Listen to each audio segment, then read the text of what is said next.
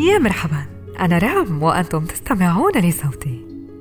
أنا وفنجان اليوم في عد تنازلي لنهاية هذا العام. هذا العام الذي قلب حياة العالم بأسره رأسا على عقب. وفي هذا العام تعلمنا الكثير. تعلمنا أن نقبل ذواتنا كما هي وأن نقدر تلك الأمور الصغيرة وأن نبادر بإجراء التغييرات. ربما جعلنا هذا العام أكثر إنسانية من ذي قبل. لأننا أصبحنا نعرف بأننا نعيش في هذا الكوكب المترابط وأن نشعر بالآخرين.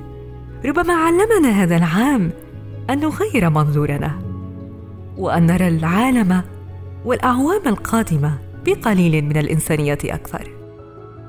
همزتي لكم لهذا العام بأن تقدروا الذي تمتلكونه.